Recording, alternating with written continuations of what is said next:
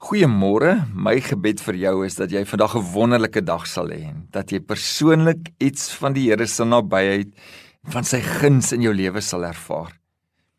Maar dit is so dat daar by baie mense benoudheid en onsekerheid is, né? Sommige net onseker oor die lewe self. Daar is deesdae soveel negatiewe berigte van uiterstes wat oral in die wêreld gebeur. Wat jy nie moet vergeet nie is dat ons God 'n skepper en onderhouer van sy hande werk, 'n magtige koning en hy's 'n wyse leidsman.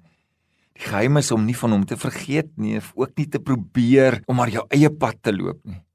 Want dit is gewoonlik dan wat ons oorweldig word deur die eise van die lewe. Een van die belangrikste fondamente in ons lewe wat hierdie gevoel van magteloosheid totaal kan verander in ons verhouding met Christus, is natuurlik die wonder van aanbidding. Dis een van daardie aspekte wat groei in ons lewe bring, want aanbidding is tog maar net my reaksie op God se liefde en sy grootheid.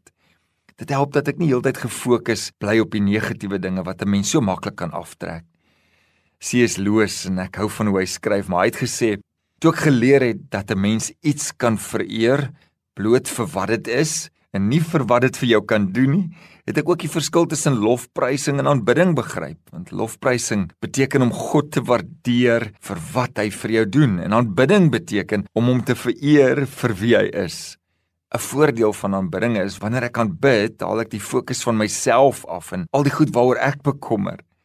Dalk is dit net wat ons vanoggend nodig het om te doen. Hoor die mooi Psalm, die lofpsalm 100. Sê almal op aarde juig tot eer van die Here. Dien die Here met blydskap, kom voor hom en sing met vreugde. Erken dat die Here God is. Hy het ons gemaak en ons is syne, sy volk, die skape van sy weiveld.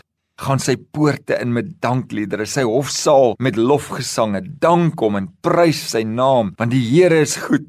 Sy troue liefde hou vir altyd en sy trou is van geslag tot geslag sien wanneer ek aanbid, begin my gedagtes fokus op God se grootheid en nie meer op myself en my bekommernisse en my onsekerhede nie. Die self is net te broos en klein om die gewig van die mense honger na betekenis te dra. Ons het nodig om op iemand groter as onsself te fokus en die antwoord lê in Christus.